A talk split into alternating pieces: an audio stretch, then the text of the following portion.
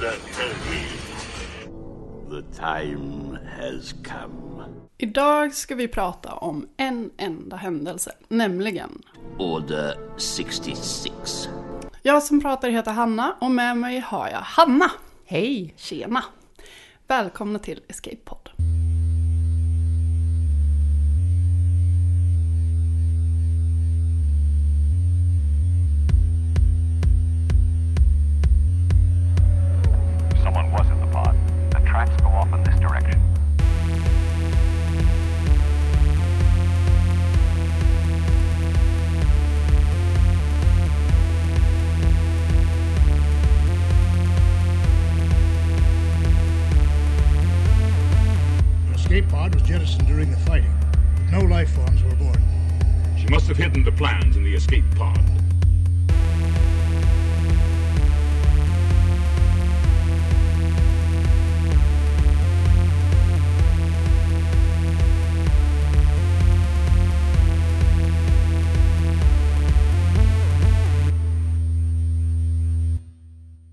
Order 66 är alltså eh, en order som Palpatine skickar ut till klonerna eh, om att döda alla jedis.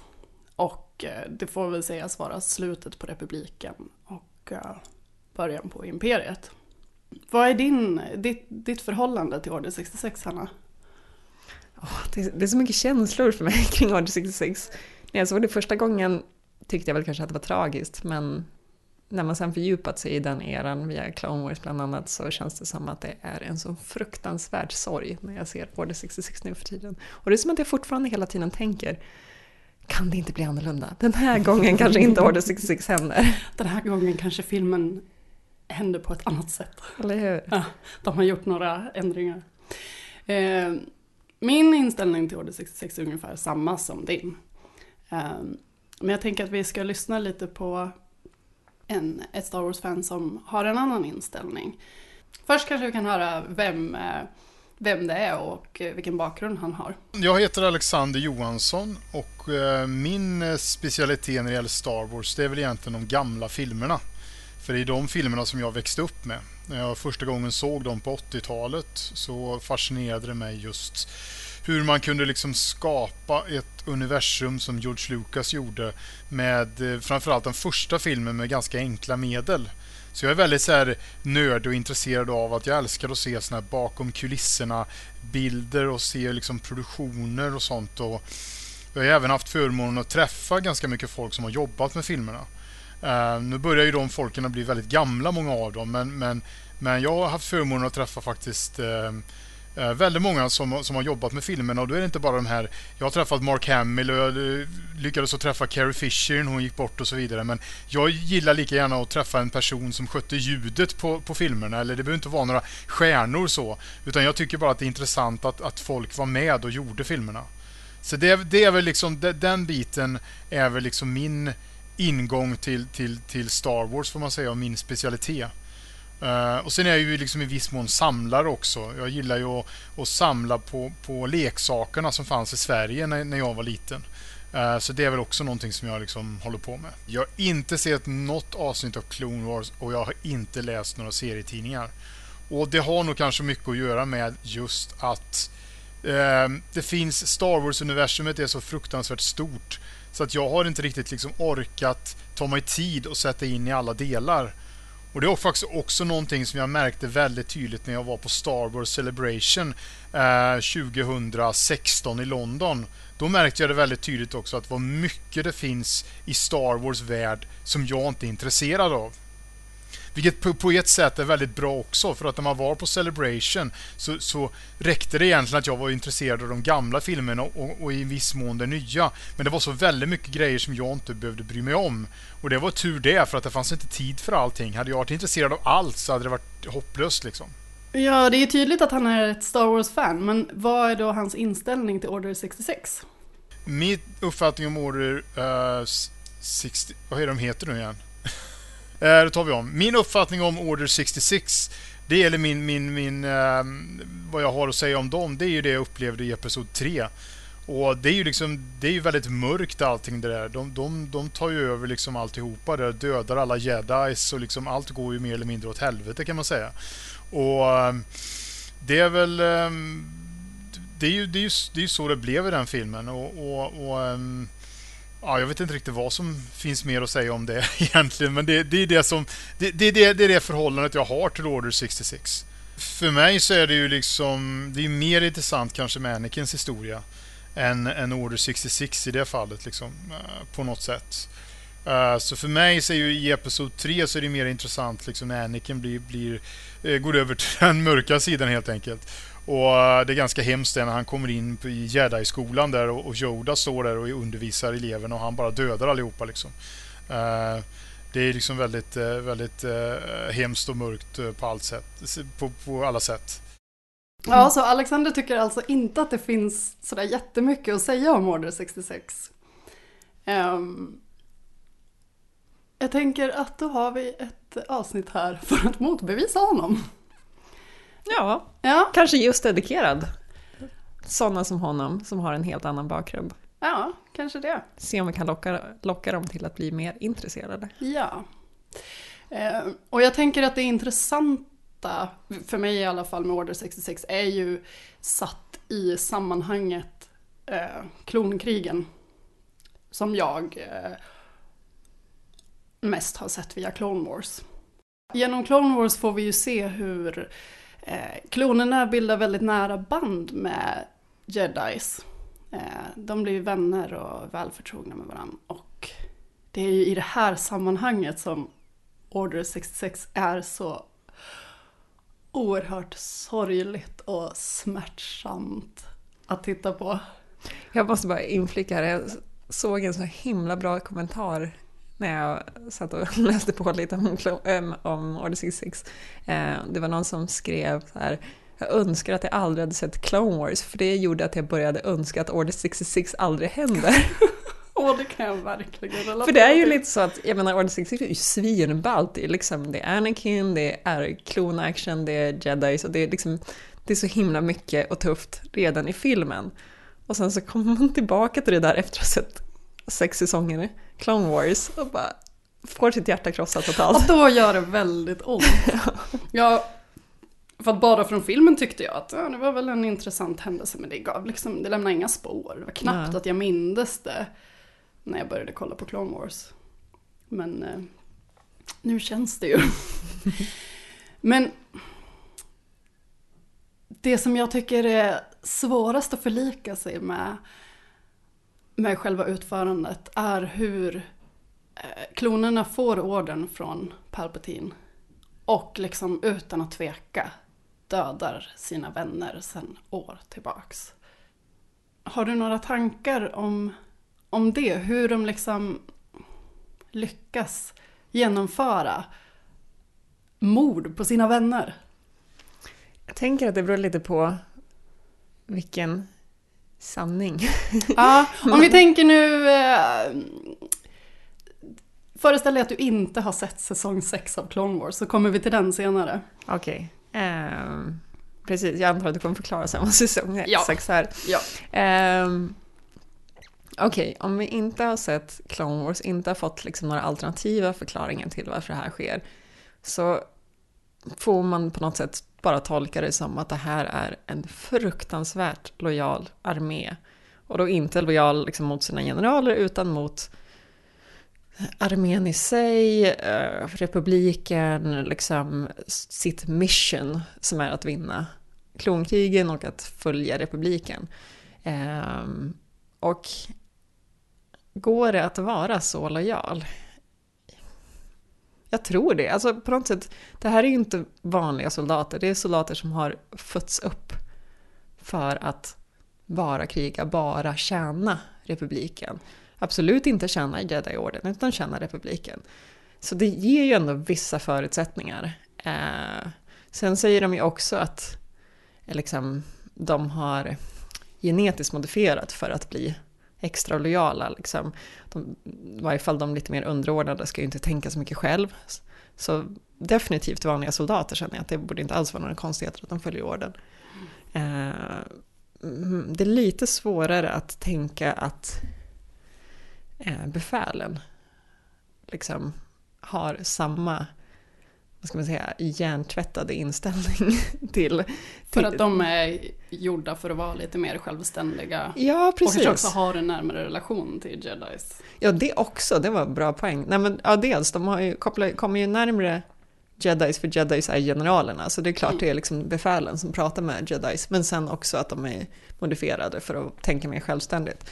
Men självständigt behöver i det här fallet kanske bara handla om att de är smartare på att hitta på strategier. Det behöver ju fortfarande inte betyda att de börjar filosofera om världen utanför sin armé till exempel. Nej, just det.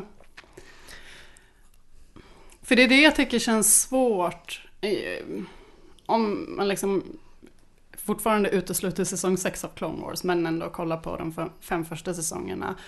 Eh, så om man jämför klonerna med, med Battle Droids så, så känns ju klonerna ändå...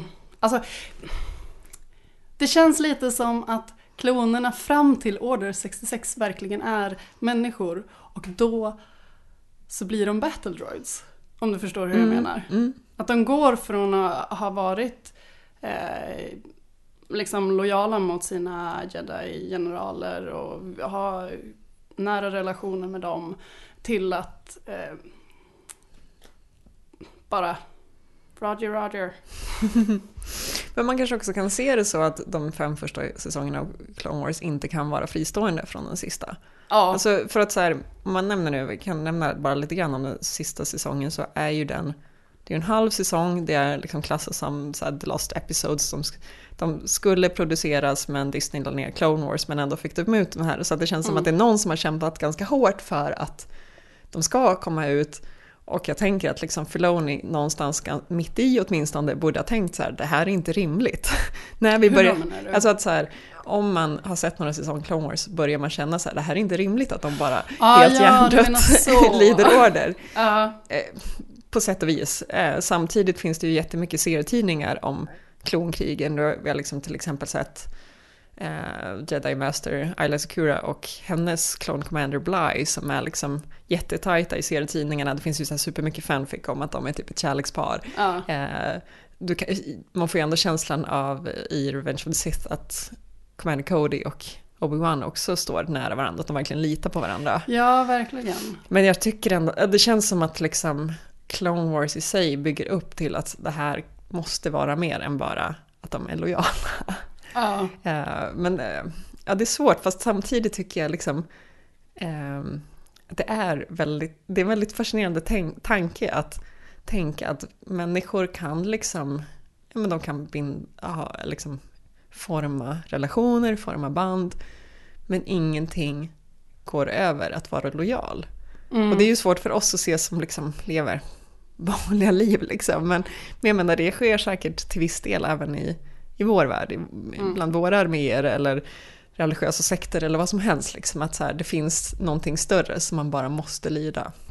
Jag tycker att det är ganska roligt när man tittar på liksom vilka andra orders som finns. Alltså, nu ska ju den här vara den sjätte sjätte. Jag tror inte att det är så många av dem som är officiella. Liksom. Jag har inte läst särskilt många, men jag, när jag har läst om de olika orderna så har jag fått liksom känslan av att tydligen ska den här vara skriven ganska annorlunda. Alltså den ska vara med i ett långt protokoll och det här måste, protokollet måste ändå på något sätt vara hyfsat officiellt. Alltså Jed- Jedis måste ju på något sätt ha kunnat se att den här listan fanns. Liksom. ja, för de måste ju också ha delat ut order, ordrar med olika nummer. Ja, precis. Eh, Men det som är tydligt med den här, den, det som gör att den sticker ut, är ju att Palpatine själv kan fatta ett beslut som inte på något sätt behöver gå igenom senaten, det är, liksom, det är ingen annan som kontrollerar, utan det kan bli en direktorder. Så att liksom, den är skriven i samma, med samma ordval som många av de andra som är lite mer neutrala. Eh, men den sticker ut om man tänker efter för att den är så direkt. Han behöver inte få något godkännande från något håll alls. Ja, just det. Tycker han att Jedi-orden är ett hot mot republiken så kan han utse dem som fiender. Liksom. Och tänker du att eh, klonerna hela tiden känner till den här orden och vet att ja, det det finns en order som har nummer 66 som innebär att jag ska döda min eh, jedi-general. Eh, för det kommer absolut, det finns absolut situationer där det skulle kunna behövas. Eller tänker du att, att det är mer att det liksom aktiveras i dem när orden uttalas? Om du förstår vad jag menar. Eh, ja, det beror ju på vilken av de här två sanningarna man jobbar med. För man Ja. jobbar med den vanliga liksom pre-Clone Wars, pre eh, säsong 6 av Clone Wars. Eh, innan man börjar prata om hjärntvättning och, och chip i hjärnan. Så innan dess tänker jag att det här är bara en del av en lång lista av grejer som de ska vara beredda på att utföra. Mm. Alltså det finns ju andra order som inte är så himla härliga. Jag tror att det är typ så order 37 som är om du försöker fängsla en misstänkt och den gömmer sig liksom, den har fått amnesti i någon annan nation eller befolkning, då har du rätt att massarrestera den befolkningen för att tvinga dem att, Ah, ja. att liksom lämna ifrån sig den här Ja. misstänkte. Den är inte så himla fräsch heller. Liksom. Så, att, så att, eh, ser man det så så tänker jag att de är liksom beredda på ganska mycket. De är ju beredda på att döda folk och säkert till viss del också civila ifall det, Ja. eh, ifall det liksom är i linje med vad republiken behöver. Så att eh, jag tänker... Och vi, ja, förlåt. Nej, det är lugnt. Nej, men vi har ju varit inne på eh, tidigare att republiken kanske inte är den här helgonstaten som man ser vid första anblick, utan börjar man fundera lite på vad det faktiskt är som Jedi-orden håller på med och sådär så, så finns det ju lite tveksamma sidor även där. Ja. Så att den här orden kanske inte sticker ut så mycket egentligen. Nej, nej men jag, det känns inte så. Alltså att jag gillar den tanken på att det här är liksom inte på något sätt något magiskt, det är ingenting som har med hjärntvättning att göra. Det här är ett resultat av att bygga upp en extremt lojal armé som har tränats från födseln att lyda order. Mm. Eh, även då de här som tänker lite mer självständigt har också en fruktansvärd lojalitet. Så även om de då är vänner så liksom så är det alltid med en bakgrund att de är beredda att göra exakt vad de blir beordrade till. Ja, och egentligen slår det mig nu att de är vänner, men ehm, det, det finns ju hela tiden en maktobalans mellan kloner och jedis. eh, Oh ja. där, där kloner liksom förväntas dö. Ja, Eh, så att det här med att det då finns ett tillfälle där det är jedis som dör. I deras huvud kanske inte det är så extremt som det blir för oss som sitter och tittar och så här, men, men ni Nej. vänner. Sen tycker jag också det känns som att klonerna är mer vänner sinsemellan än att de har den typen av relation till sina generaler. Ja, ja, det är väl några enstaka som Ja. kanske bara. Men ehm, om vi nu ska ta oss in på den här säsong 6 av Clone Wars. ehm, så ger ju den plötsligt en helt annan bild av Order 66 än vad i alla fall jag hade innan. Um, där har vi ju en, tre, fyra avsnitt eh, där en klon dödar en jedi. Eh, Det är som att det är någon switch i honom och han fylls av hat mot jedi, ser en jedi, dödar henne och eh, det visar sig att han har ett biologiskt chip i hjärnan som eh, Palpatine och gänget har sett till att alla kloner har. Eh, som finns där för att de ska kunna döda jedis. Vilket är helt otänkbart för dem innan det här chippet aktiveras av Order 66. Och det sätter ju verkligen eh, själva händelsen i ett helt annat ljus. Verkligen. Jag tänker att vi ska lyssna på ett klipp när Ark Trooper 5 dör i säsong 6 som förklarar lite om det här chippet. We're here to help you fives. Just come with us. Let us take you back to the temple.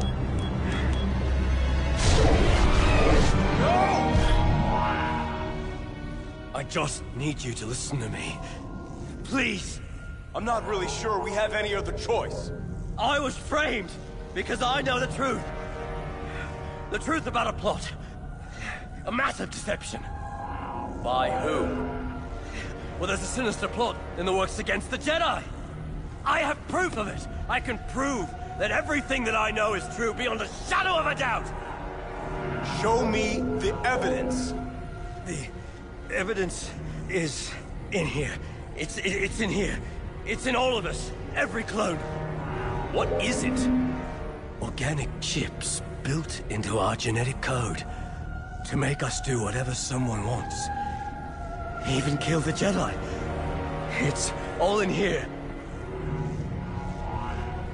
Let's just get you some help first. Then we can review everything. It'll be okay, Fives. We'll sort this out. Uh, you don't believe me! We're closing in on the target. Everyone get ready. Fives, we are listening to you. We only want to help. How do I know you're not tricking me? How do I know it won't be a trap? The Chancellor would try to kill me. Ah, I promise you that. The Chancellor? He's in on it. I don't know to what extent, but I know he orchestrated much of this. He told me in the medical bay. He told you. When you tried to assassinate him? You have gone too far, Fives. The Chancellor is incapable of what you claim. He is!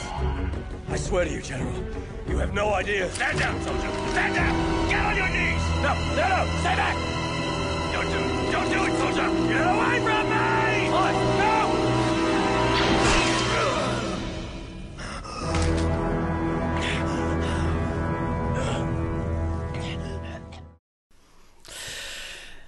Ja, vad tänker du om det här?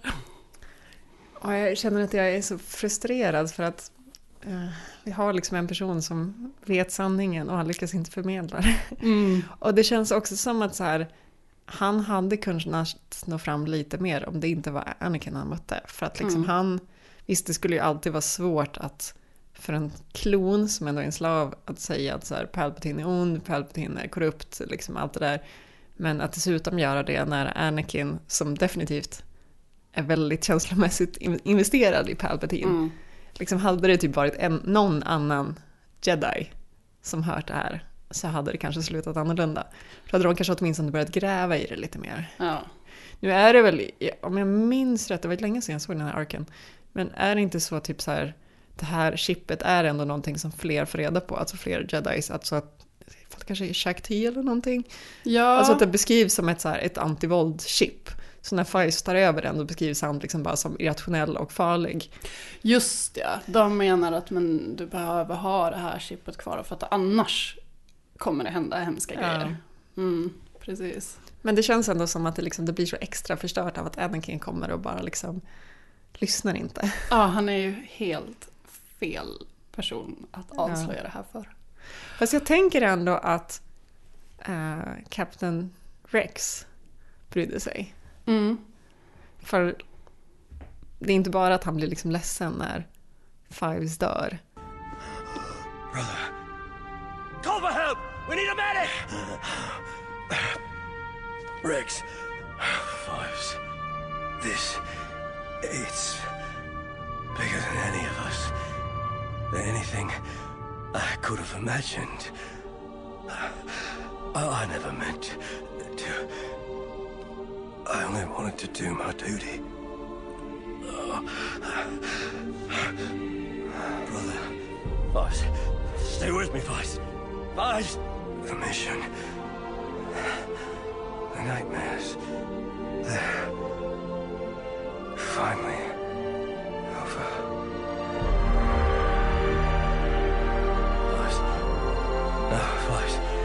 On, Vice. Don't go. Stay with me. Stay with me. Vice. Vice. Don't go.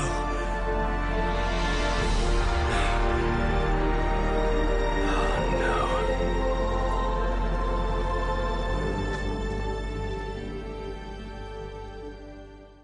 Jag tror att han ändå där och då börjar förstå att det här är någonting jag måste gräva mer i. Mm. Sen hur han lyckas med det, det vet jag inte riktigt. Men sen spolar vi fram 15 år eller så, så ser vi Rebels och där har Rex klarat sig från Order 66. Och han pratar om att han har tagit ur chippet. Ja, men precis. Han dyker ju upp i Rebels och pratar lite om den här tiden. Vi kan lyssna på ett klipp. Okay, you don't trust these clones, but they haven't done anything. You don't understand. They're dangerous. They could. They could what? Rex doesn't seem bad at all. Ahsoka said to trust him. You trust her, don't you? You weren't there. You weren't even born.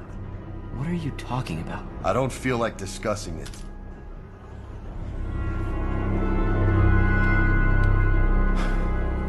It was at the end. The end of the war. Our fellow soldiers, the clones, the ones we Jedi fought side by side with, suddenly turned and betrayed us. I watched them kill my master. She fought beside them for years and they gunned her down in a second. And then came for me. Later they said they had chips in their heads that made them do it. Said they had no choice. I didn't betray my Jedi. Wolf, Gregor, and I all removed our control chips. We all have a choice. Och det här lilla talet från Rex är ju verkligen en del i det här. Åh, men det hade inte behövt bli på det här viset. Jag bara känner att så här, okej, men ni tre, ni tog bort ert chip så att ni inte blev förblindade av den här orden. Varför tog ni inte bort alla era kamraters chip också? Men jag känner lite att när jag hör det här klippet så känner jag fortfarande att jag inte riktigt vet vad som verkligen hände där. Alltså dels tänker jag att ehm, det inte ens med säkerhet betyder att Rex tog ur chippet innan, innan Order 66. Alltså jag tror ju det, Mm. men, men det, man kan ju inte säga med säkerhet. Han- säger ju liksom, ja men jag svek inga jedis, men vad, vad betyder det egentligen liksom? För jag menar, han lydde under Anakin. Ja. Så han hade ju kunnat liksom följa Anakin som också är en jedi. Eh, och framför allt känner jag att jag inte kan se med säkerhet att Gregor och Wolf klarade sig under Order 66 för att, att, att Cody, eller att Rex säger att han inte svek några jedis behöver inte betyda att de inte gjorde det. Nej. Det är som Det är skönt i och för sig, alltså nu kollade jag om eh, lite av Reigns of the Sith och det är som är skönt ändå att se att Wolf inte dödar Plo Koon. För det var någonting jag tänkte på när jag såg Clone Wars ganska mycket. Så här, Fan, de här är jättemysiga, Plo Koon är hur ärlig som helst. De har en bra relation. Och liksom den här tanken på att, de, att han dödar Plo Koon hade varit jobbigt. Men jag kollade nu och det är inte Plo Koon som skjuter ner honom.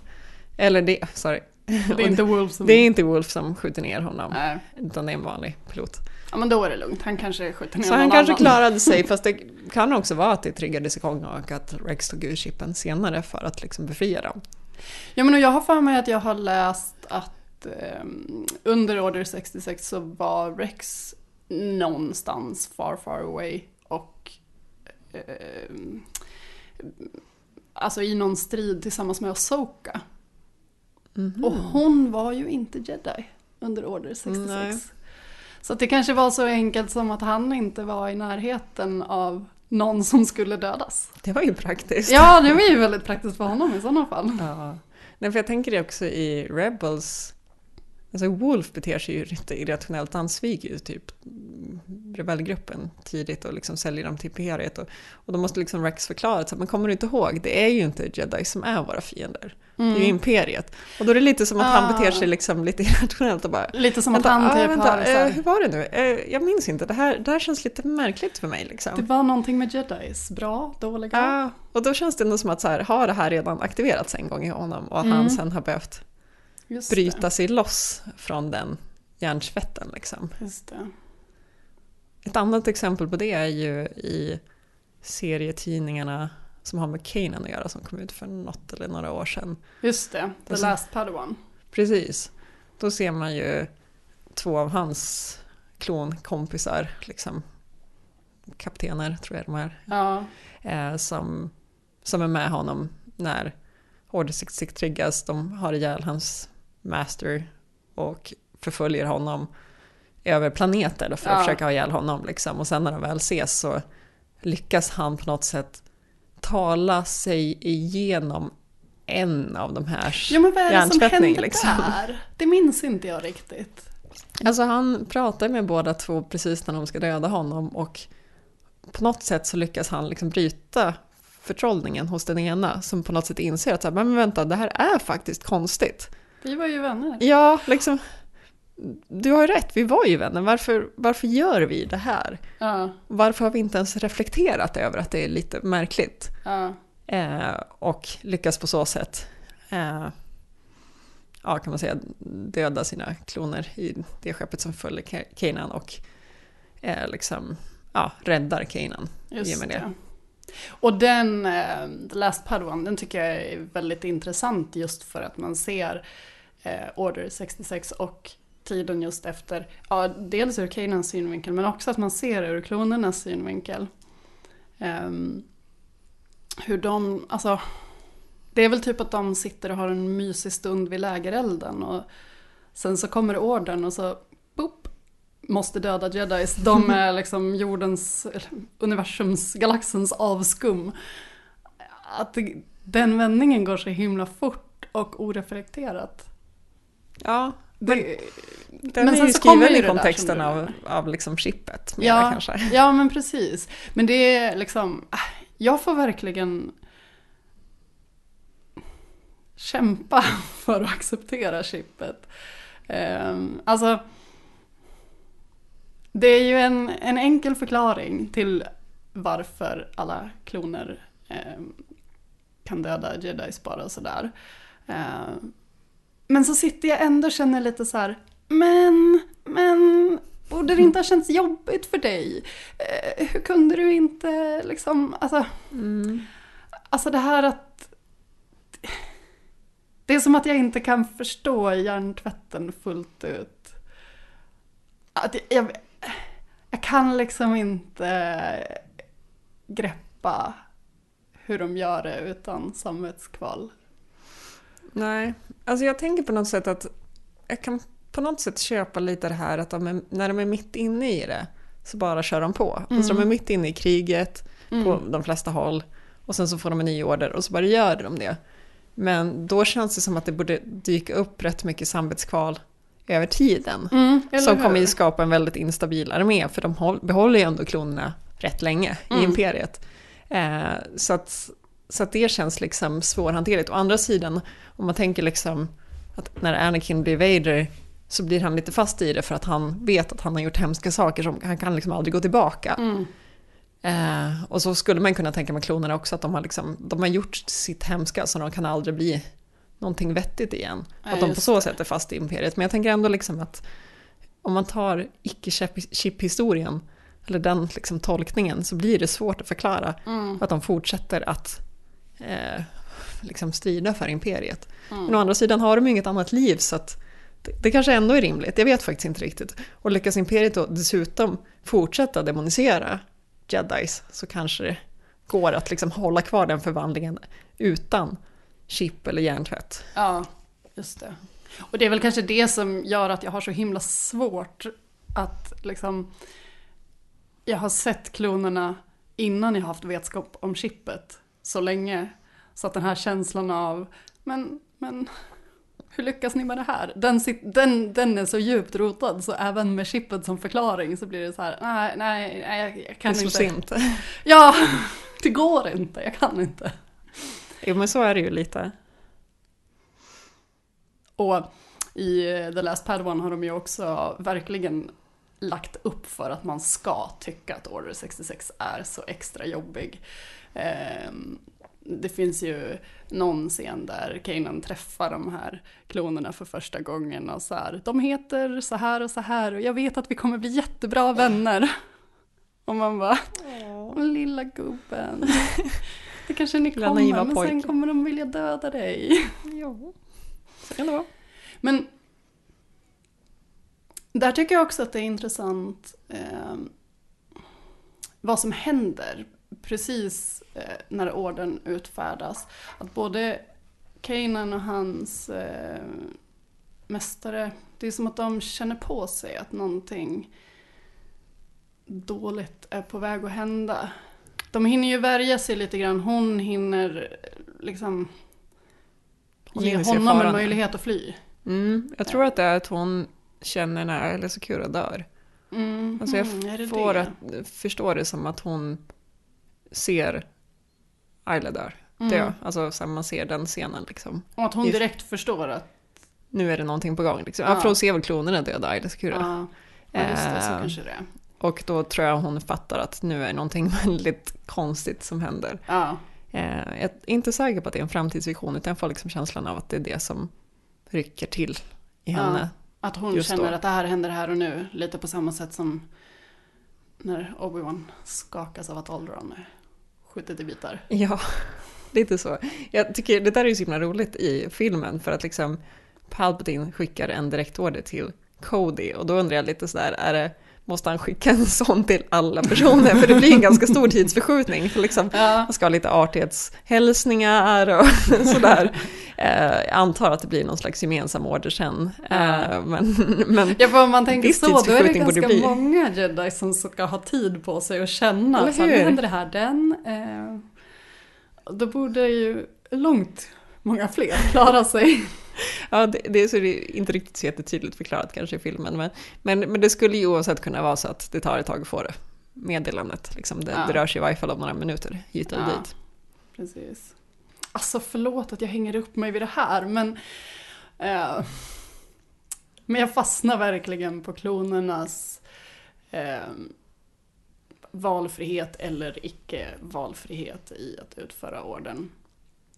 Eh, och det är som att eh, när Rex pratar om eh, Order 66 så, så göder han liksom den här sidan av mig som tycker att de borde ha kunnat stå emot den trots chippen. För att han, han har ju något passionerat tal om att de inte är robotar och att alla har ett val. Och... Alltså det känns som att hans bild av det hela är att det här chippet inte är en ursäkt. Ja, fast ifall han... Ja, Fast om han redan har tagit ut chippet Det är innan så lätt för honom att säga han? Eller om han var någonstans där det inte finns men visst, jedis. han kanske försökte få med sig flera Ja. Clone Commanders till exempel att ta ut det och kanske bara lyckades med tre. Ja, det kanske är det han menar med val. Att alla har ett val. Jag har berättat för er att det här chippet finns, att det kommer göra onda saker med. Och så ni, Ni valde att inte tro på mig. Det var ert val. Ja, jag får ju känslan av att de här sista delarna av Clone Wars säsong 6 ändå utspelar sig väldigt kort innan Revenge of the Sith. Så han Mm. kanske inte hann nå ut till så himla många. Nej, just det. Men man kan ju tycka att till exempel Cody borde vara en sån som han haft kontakt med eftersom de är så nära. Mm. Eh, men ja, är de på andra sidan galaxen så kanske inte är så lätt. Liksom. Det kanske inte är någonting man tar över sin lilla Holonet-telefon. Nej, just det. Nej.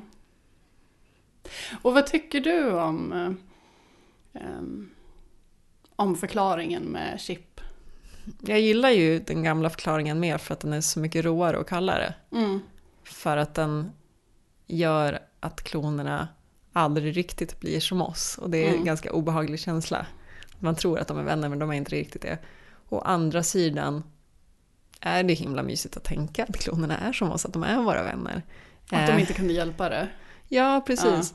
Ehm, så att eh, det är lite blandat för mig. Jag hade nog lite svårt att smälta chippen när de kom, för det kändes som en väldigt simpel förklaring. Mm. Och jag tycker att liksom, den som är från filmerna framförallt, den kändes liksom mycket mer ja, men, finurlig, raffinerad. Mm. För att den är också logisk. Ehm, Den är logisk men den är så himla mycket mörkare från klonernas perspektiv. Mm. Mm. Men eh, liksom utan chipförklaringen så känns Clone Wars som serie lite falsk på något sätt. Alltså det känns inte riktigt som att det hänger ihop Ah, med filmerna. Så du tänker att eh, chipförklaringen är eh, ett bra sätt att liksom runda av Clone Wars-serien? Att, Mm, ja, eh, precis. Alltså annars på något sätt så känns det inte riktigt rimligt. Nej. Eh, och sånt kan jag störa mig ganska mycket på när jag ser filmer och serier. Att det liksom, Mm. folk beter sig internationellt. Eh, och, ehm, så en förutsättning för att vi ska få en personlig anknytning till klonerna är ju chipförklaringen. Ja, just det. Eh, men jag tycker att den andra var snyggare. Ja. ja, men jag håller med och jag tror att eh, jag har liksom mjuknat upp för chipförklaringen med tiden. Men jag minns liksom dubbelheten när jag såg de här Clone Wars-avsnitten första gången. Det hör till mina favoritavsnitt av Clone Wars. Jag tycker att de är så himla bra. Eh, och jag satt där och kände att så här, åh herregud, det här är så spännande. Och snälla, låt dem få fram till eh, Jedi Council vad, vad det är som är på gång här. Snälla, snälla, låt dem bli räddade. Fast jag vet att det inte kommer funka. Och man bara sitter och så här, ja, men verkligen på nålar. Samtidigt som jag känner att nej, men jag vill inte ha den här förklaringen. Nej. Så, så här, jättebra avsnitt som för in någonting som jag inte vill ha där. Ehm, men nu har jag väl vant mig lite med den tanken och den här tanken som du har om att det behövs för att liksom legitimera Clone Wars, klonerna i Clone Wars överhuvudtaget. Den känns bra. Vad skönt. Ja men det är väl som när vi pratade om Last Jedi, jag behövs lite ibland bara för att få folk att må lite bättre. Inte kritisera så himla hårt. Ja men precis. Ge de här andra vinklarna. Precis. Henceforth, you shall be known as Darth Vader.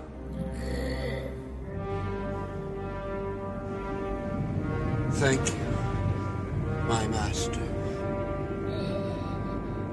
Ja, man kan ju säga att Order 66 är en väldigt central del i hela Star Wars-berättelsen. Um, I och med att uh, vi då får den här situationen som vi har i originaltrilogin där Jedis i stort sett är utdöda och kejsaren och Vader styr imperiet. Um, men det är ju alltid kul att fundera på tänk om grejer, tycker jag. Eh, och då undrar jag, kan du se något scenario där Order 66 aldrig hade hänt? Och liksom mm, vi ändå hamnar i originaltrilogin 30 år senare. Jag har väldigt svårt att tänka mig att Order 66 inte hade hänt. För att det känns som att Palpatine har så fruktansvärt mycket kontroll över situationen. Ja, verkligen. Um, och nej, Jedis måste ju på något sätt ha dött ut och um, det skulle väl vara ifall de får liksom allmänheten mot sig ändå. Ändå, ja, precis. Mm.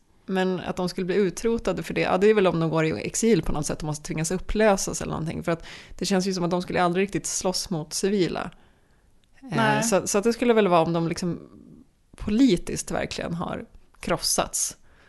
Att, att det mer blir ett upplösande av orden än ett utplånande. Precis. Sen mm. kanske Palpatine och Vader följer upp det sen och dödar de här ja, Men inte på det där liksom, via klonerna sättet. Nej. Men jag, eh, det är ju svårt för att liksom, det känns som sagt som att Palpatine har alltid, han har liksom byggt allt på den här stunden. Mm. Det är liksom det han har jobbat med inte vet jag, 20 år, 30 år liksom. Mm. Eh, ja men sen episod 1 åtminstone. Eh, men det jag funderar på är lite så här, varför sker Order 66 precis just då? För att han har ju på något sätt liksom förutsättningarna för det ganska länge. Ja, han hade kunnat göra det när som helst menar du? Ja, precis. För att det känns ju som att så här, ja, han behöver, han behöver klonarmén, mm. som på något sätt är väldigt innästlad i allting. Liksom, republiken ska vara beroende av dem och de ska ha mycket kontakt med resten av Jedi-orden. Liksom. Mm. Eh, så det är ju ett krav, men den, det skedde ju ganska tidigt. Liksom. Jag vet inte om han också tänker att eh, liksom, det behövs att Jedi-orden är lite försvagad, lite moraliskt nedbruten, att allmänheten ska liksom börja tvivla på Jedi-ordens moral också kanske. Ehm, men det känns inte som så här klockrena krav. Nej, det känns inte som att han behöver ha allmänheten på sin sida för det. Alltså, jag har svårt att tänka mig... Ja, men... Säg att han skulle eh, utföra orden, eller inte, att han skulle beordra orden. Eh, när republiken stod på topp och uh, allmänheten hade jättehögt förtroende för jedis och alla jedis dör. Det känns inte som att det skulle leda till ett uppror från allmänheten mot Palpatine. Ändå som han inte skulle kunna stå emot. Precis. Nej, så att det känns som att så här, egentligen hade han ju klonen där i flera år och ändå så bara så här, är han helt iskall och bara, nej men jag väntar lite till. Men är det lite så här katt och råtta-lek han håller på med då kanske? Hur tänker du då? Nej men att han, eh, att han liksom gillar att gå runt där och veta att eh, jag skulle kunna befalla alla Ah. kloner och döda alla jedis idag. Men jag väntar. Det jag tänker är att han ändå är beroende av en Sith Apprentice. Alltså att Mm. det är det han jobbar för. Alltså så här, han har redan klonerna, han har på något sätt en utrotning av Jedi-orden, den är hyfsat säkrad. Men han behöver samtidigt någon som kan slåss. Mm. För att han är liksom, han är ju fortfarande hyfsat gammal och visst han är... Men alltså- han kan ju slåss. Jo men han vill ju liksom inte, han vill ju inte ut i strid själv, han vill ju liksom aldrig riskera, han är ju så otroligt maktfullkomlig så han skulle ju aldrig liksom riskera något där, även om han är bra på att slåss så vill han ju liksom inte använda sig själv för det. Nej. Eh, Så att jag tänker ändå att han är beroende av en riktigt skarp Sith Apprentice. Och det hade ju kunnat vara Dooku, Mm. men han väljer att liksom vänta ut Anakin istället. Så man måste jobba sig igenom, göra, skapa en stark relation till, försvaga honom, liksom linda honom runt sitt finger och liksom manipulera honom i det oändliga. Mm. Tills han kan liksom byta ut Dooku mot Anakin. Så att han tycker att det är viktigt att eh, Order 66 inte ska utföras förrän Anakin är redo att bli Vader. Jag tänker det så. Alltså, det kanske absolut inte var så från början, men det är inte helt orimligt att han inser att Dooku är ett väldigt stort hot. Alltså, jag menar, de har ju ändå en tradition av att Apprentice ska döda sin mästare och jag Mm. tror att han inte alls är sugen på att liksom Bli dödad. bli dödad eller liksom lämna ifrån sig sin makt. Alltså jag tror att han insåg att Dooku kanske var ett för stort hot, för han var inte lika eh, liksom, psykologiskt nedbruten, han var inte lika beroende av Palpatine, så att han hade ju kunnat hugga Palpatine i ryggen lite när som helst. Mm. Så någonstans där på resan, liksom, alltså jag menar det måste ju funnits en anledning till varför han liksom började med Dooku till att börja med. Han måste ju ha haft något hopp, känns det som där. Mm. Men någonstans där på resan så insåg han att så här, nej, det är nog bättre med den här lite yngre personen med lite känslomässigt instabil, eh, har den här kärleksrelationen som också gör honom otroligt manipulerbar. Mm. Hela den biten liksom. Så att han ser möjligheten att byta Apprentice till någon som inte är ett lika stort hot för honom själv. Ja, men jag tänker lite så. Och jag tänker att alltså, om man tar början på Revenge of the Sith, när Dooku är tillfångatagen. I boken, om jag minns rätt nu, alltså romanen som beskriver Revenge of the Sith. Mm. Eh, där beskrivs det ju som att Dooku är helt med på den här planen. Han ska bli tillfångatagen. Ja. För att han ska typ så här eh, benådas sen av Palpatine eller något Just sånt där. Eh, och sen blir han helt chockad när han inser att han kommer avrättas. Ja. Eh, och det känns som att Palpatine har nog byggt upp ganska mycket av Anakin fram tills dess och liksom hela den här sista biten kommer Anakin att avrätta en eh, visserligen skyldig man men ändå helt liksom eh, vapenlös, liksom utsatt person. Eh, kommer han göra det? Om han gör det, ja dels visar det att Anakin är starkare, det visar också att han är så pass innästlad i det mörka att det går att omvända honom helt. Mm. Eh, och då visar det också att Dooku är så pass svag att han inte förtjänar att bli liksom Palpatines högra hand. Just det. Så att det här tillfället liksom är Palpatines val. Ja, men jag tror det. Ja. Eh, eller liksom, kanske inte Palpatines val, men mera ett test att se, är Anakin den som, som ska eh, liksom bli den nya? Mm. Och det är ju inte bara Palpatine som ser Anakin som den utvalda som ska förändra hela galaxen, utan Jedi-orden pratar ju också om det. Ja, just det. Det kanske också är en anledning till att Palpatine väntar med orden. Att han tänker att utför jag det här för tidigt så får jag en väldigt stark jedi mot mig. Jag måste ha någon på min Ah. sida. Ja, absolut. Varför inte? Ja. alltså, det är konstigt för att på ett sätt tänker jag att Order 66 alltid är så kopplat till klonerna och Jedi-orden och så känner jag att Anakins resa mot Vader, alltså om man nu jämför med till exempel vad Alexander sa, liksom, att för mig är inte Order 66 så himla mycket att Vader blir till. Det är liksom bara någonting som råkar ske samtidigt. Mm. Allt sam- går åt pipsvängen. Ja, precis. Liksom så här, ja, det råkar vara samma dag ungefär. Liksom. Men samtidigt så känns det som att att just Order 66 sker precis då, det hänger ju ihop liksom. Och inte bara känns det som att Palpatine insett att okej, okay, Jedi-orden vet vem jag är, det här är farligt, utan också liksom att han ser att nu har Anakin äntligen gjort så mycket mörka saker att jag har honom. Mm. Nu kan vi köra. Ja, just det. Eh, för jag menar, han väljer ju ändå att eh, berätta för Anakin vem han är. Mm. Liksom, det är ju det är han som har kontrollen igen. Liksom. Så han visste ju att så här, okej, nu kommer jag sätta igång ett antal händelser. Men jag, vet, jag har liksom övertaget så att det är lugnt. Mm. Och det har han ju. Ja. Som alltid. Ja. Eh, så att, så att så här, en, de hänger ju ihop väldigt mycket och nu kommer jag lite från ämnet som är så här, var, hade det här kunnat hända? Alltså, jag menar, det finns ju, det finns ju grejer som gör att det liksom hade kunnat avslutas tidigare. Hade Ja. Fives råkat, eller lyckats liksom bryta sig igenom och liksom få folk att lyssna. Det hade, Hade ju varit han råkat jättestort. snacka med någon annan än Anakin om det? Ja men ungefär. Ja. Eh, någon som hade tänkt så okej, visst det kallas för ett våldschip, men jag kanske måste gräva lite mera i det här. Ja. Eh, det hade varit farligt för honom. Jag tänker också när, nu minns jag inte, är det Yoda eller vem det nu är som får reda på att eh, klonarmén i stort sett är liksom skapad av Count Dooku. Know now we do. That guide the creation of the clones from the beginning. Dooku did. Hmm. Our enemy created an army for us. Och de ser så här, oj shit, det här är inte så bra. If this was known, public confidence in the war effort, the Jedi, and the Republic would vanish. There would be mass chaos. Cover up this discovery. We must. Fast nu har vi klonarmén här så vi kanske inte kan göra så mycket. Det går nog bra ändå. Ja. liksom. Valiant men the clones have proven to be. Save my life and yours. They have many times. Believe in them. We must. Win the war swiftly. We must.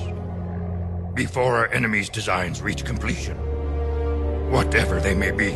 Hade det, hade det funnits mer tid där så hade de ju säkert också grävt mycket mera. Men Mm. det här, som sagt, det här känns ju som en väldigt sen del av eh, klonkrigen väldigt tidigt, eller väldigt kort innan Ja. Sith. Ja. Men liksom, det var ju två händelser där i slutet av klonkrigen som ändå var väldigt riskabla. Och liksom hela att, eh, vad heter han, NAP, när hans chip blir aktiverat. Mm. Det är ju Tapp. ett, tapp. Eh, det är ju ett väldigt stort hot mot separatisterna. Jag menar, de blir helt besatta av att liksom få kontroll över situationen. Bara helvete, det är ett chip som har aktiverats för tidigt. Tänk Ja. om någon börjar gräva i det här. Liksom. Ja.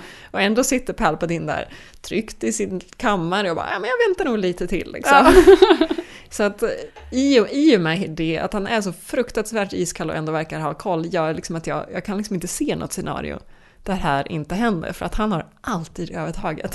Ja. Han är ju så, också så bra på att liksom just skapa den här kraftslöjan som gör att Jedi-orden liksom inte riktigt fungerar som den ska. De kan inte riktigt känna det de borde kunna känna. Ja. Eh, Så, att, eh, så att det, för mig är det väldigt svårt att liksom ens skapa en sån, ett sånt scenario. Ja. Ja, och jag tycker att det är lite svindlande också med de här delarna som känns så förutbestämda. Eh, Men där man hela tiden ges möjlighet att se det som så här, åh nej men det kanske löser sig. Ja men och jag tror att jag ofta fastnar i, behövde verkligen Order 66 ske? Just för att det känns så förutbestämt. Men man får de här små glimtarna av, ja men nu är Fives nästan på väg att avslöja det här och bara han lyckas med det så kommer de ta ut chippet ur alla kloner och så slipper vi Order 66. Eh, och så sitter man och hoppas på det men man vet att det inte kommer hända. Eh, och den liksom dubbelheten ger en sån domedagskänsla som jag tycker är skithärlig.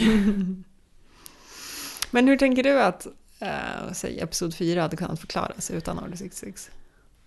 Ja, men det vi har i Episod 4 är ju att Obi-Wan berättar för Luke att eh, det fanns något som hette klonkrigen och Jedis utrotades av en ond människa vid namn Vader.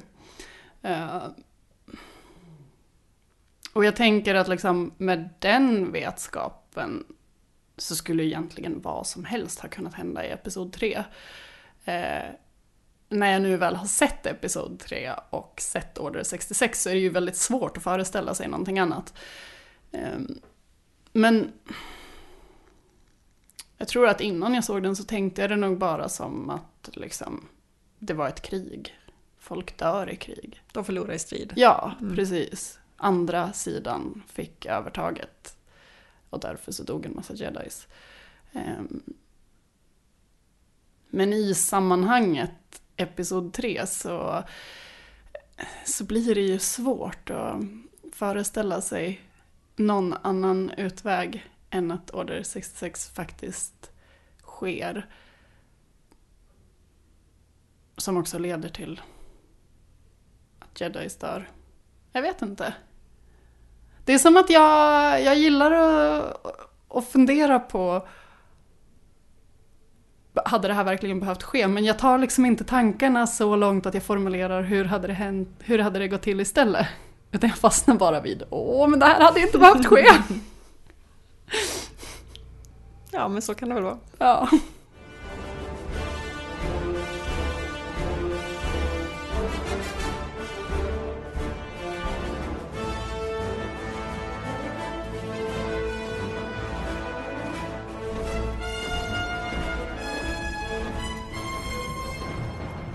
Nu har vi ju pratat väldigt mycket om själva utförandet av Order 66 och tiden just precis när det händer.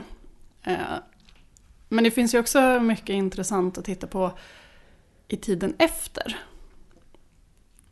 Ehm, det finns till exempel eh, en serie som heter Jedi Purge som handlar om hur eh, Vader letar upp och dödar Eh, de jedis som eh, överlevde orden.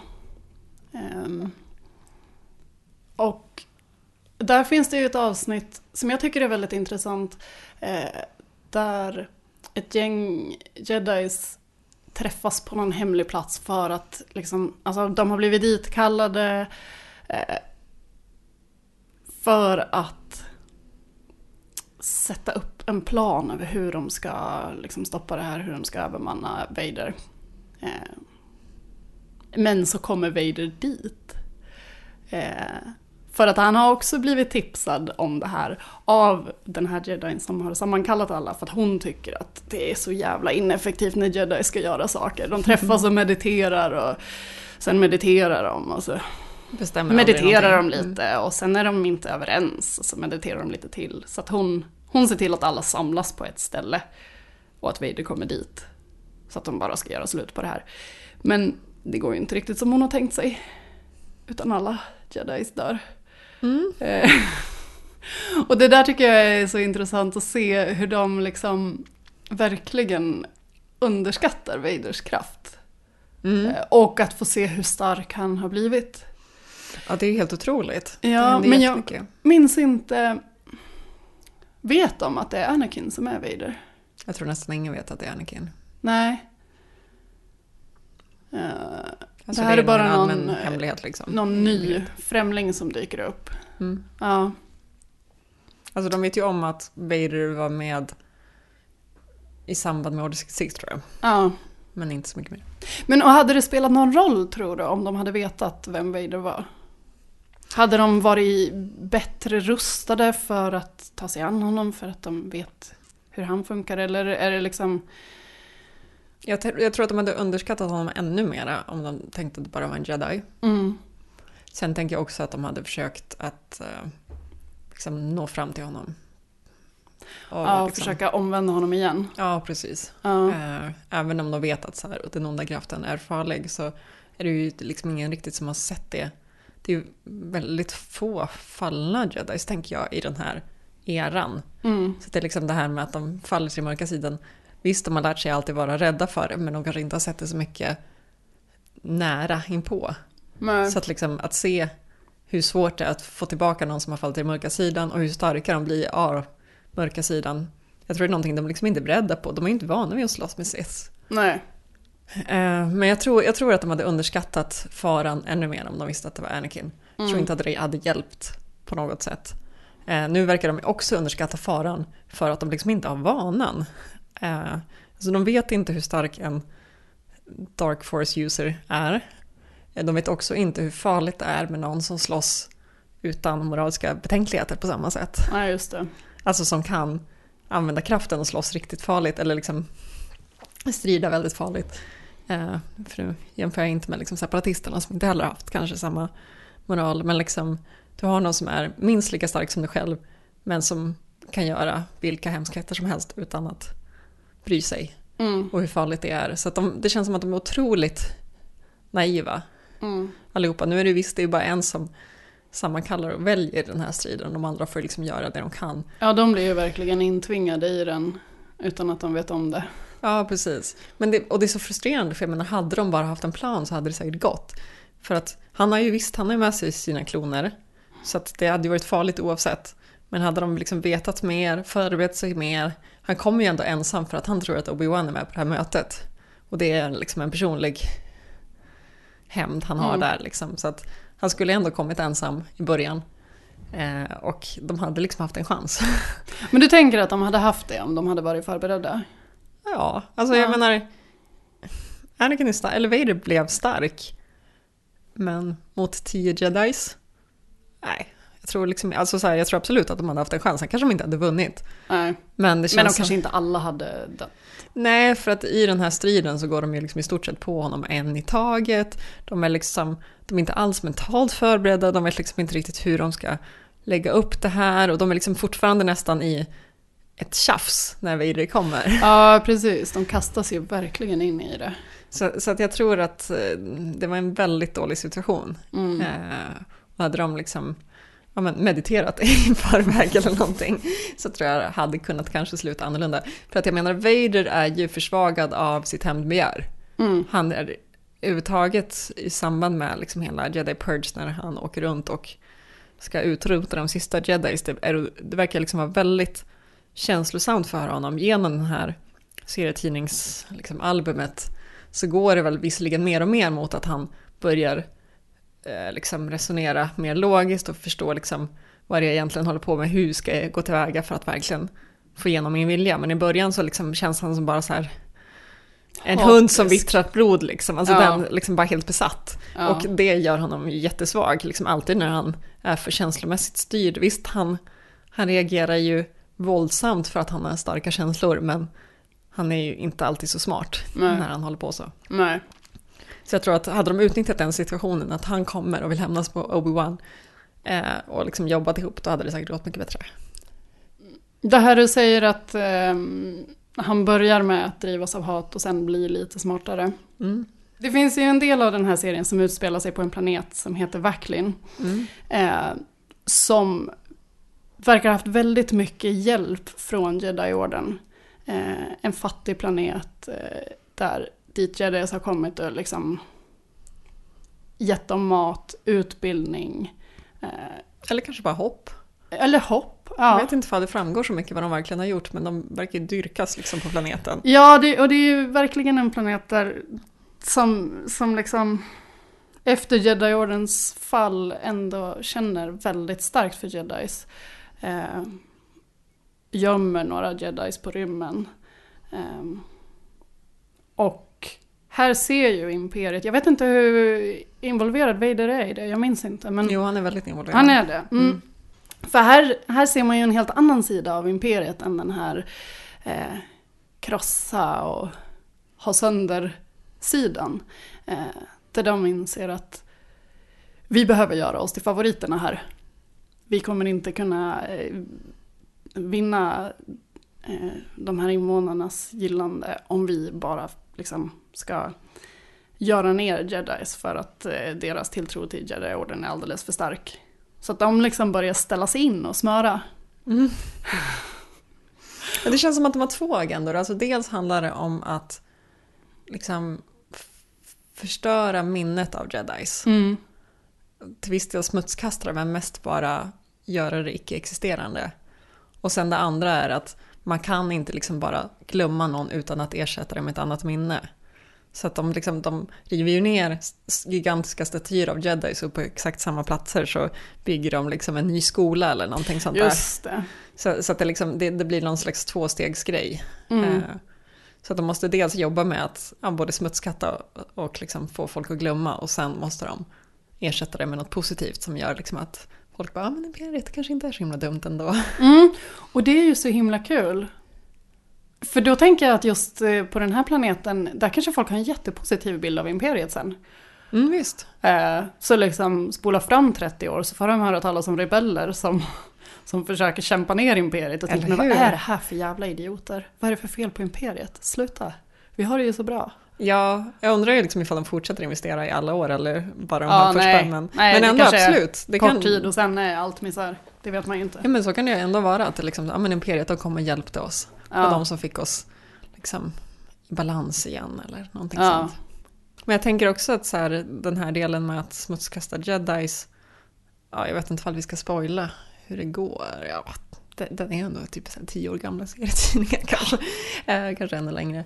Eh, nej för att där, den, den här jedi-flyktingen liksom, som gömmer sig, istället för att Vader kommer och bara dödar honom så ser han till att försvaga Jedin. Liksom. Och sen skickar ut honom i allmänheten där han kommer liksom stapplande och bara hjälp mig, han har liksom andas in massa giftiga gaser och det liksom, han är jättesvag och då kommer imperiets soldater och bara avrättar honom liksom. Så att just, det, liksom, det är inte bara att de ersätter det med positiva saker utan det handlar liksom också om att här, få folk att tycka att så här, men vänta nu, det här var ju ingen speciell person, det här är ju ingen gud. Nej precis, han, kommer, människa, liksom, han har knappt kläder på sig när han kommer ut stapplande där va? Nej, Ser ut lite som en uh, uteliggare. Ja. Och Och liksom den här räddaren. Nej men verkligen, liksom svag och eh, bedjar till folk i liksom, ja, den här folkgruppen som tittar på. Liksom, så här, Mm. Hjälp mig.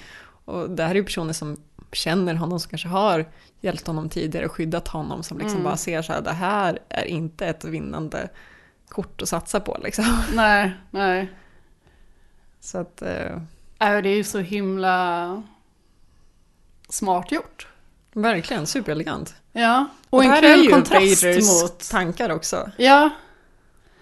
Ja, det är en jättekul kontrast mot, eh, mot det här liksom rena skära dödandet. Som ju är väldigt enkelt, alltså det är on, ondsint, elakt, vilket jag gillar. Men det är ju så simpelt också. Det är liksom inte svårt att ta en, eh, en kraftig bad guy som Vader och låta honom döda en massa. Nej, precis. Men, men det här är ju så finurligt. Ja, vi har ju pratat lite om det innan, att så här, både du och jag tycker väldigt mycket om Vader, eller vi tyckte väldigt mycket om Vader liksom när vi var små. Så här, du, både du och jag har haft Vader, Darth Vader som så här, internetnick visade sig liksom, när vi lärde känna varandra som vuxna, det är så här, det vi har vuxit upp med. Ja. Eh, så så vi har båda varit helt besatta av Vader, men han är egentligen ganska endimensionellt beskriven på ganska många ställen. Ja. Och det har ju liksom ja, men varit lite av en sorg och kanske gjort att man går mer och mer ifrån Vader över åren. Mm. Men i sådana här händelser, och det är det jag gillar med serietidningar ibland, att man kan få liksom, på så himla få sidor så får man se en helt annan bild av någon. Eh, Ja, men det är som att det blåser blir- lite liv i honom så att man kan fortsätta med det här dyrkandet. ja, precis. Nej, men liksom det, det här behöver jag ibland. Och jag för mig också i Tarkin-boken kanske att det är liksom en del sånt här att det liksom diskuteras strategi på ett sätt också. Att det är inte bara Vader som, eh, som använder ljussabeln utan det är också Vader som förstår manipulering, som liksom börjar lära sig Alltså jag menar hans mästare är Palpatine. Mm. Eh, och det är inte bara kraften han lär sig utan det blir liksom också det politiska. Mm. Ibland syns det mer och ibland syns det mindre, men jag älskar när det väl syns. Liksom. Mm. Och det är också oftast ett resultat av att Palpatine har skällt ut honom för att han inte bara kan gå på sina känslor hela tiden. Mm. Ja, men jag tycker att det är en tjusning också det här med att man ser det bara i små glimtar här och där. Från början så är Vader bara en, en ond typ som är bra på att hantera sitt lasersvärd. Eh, och det är, liksom, det är liksom det som är grunden. Och sen så kommer de här små glimtarna lite här och där som är så här, oh, oh, kunde han det där också? Nej men oj. Ja, men då finns, så finns ju den intelligensen där hela tiden Ja. på något sätt. Ja, Ja. men så är det ju. Ja. Execute Order 66. It will be done, my lord.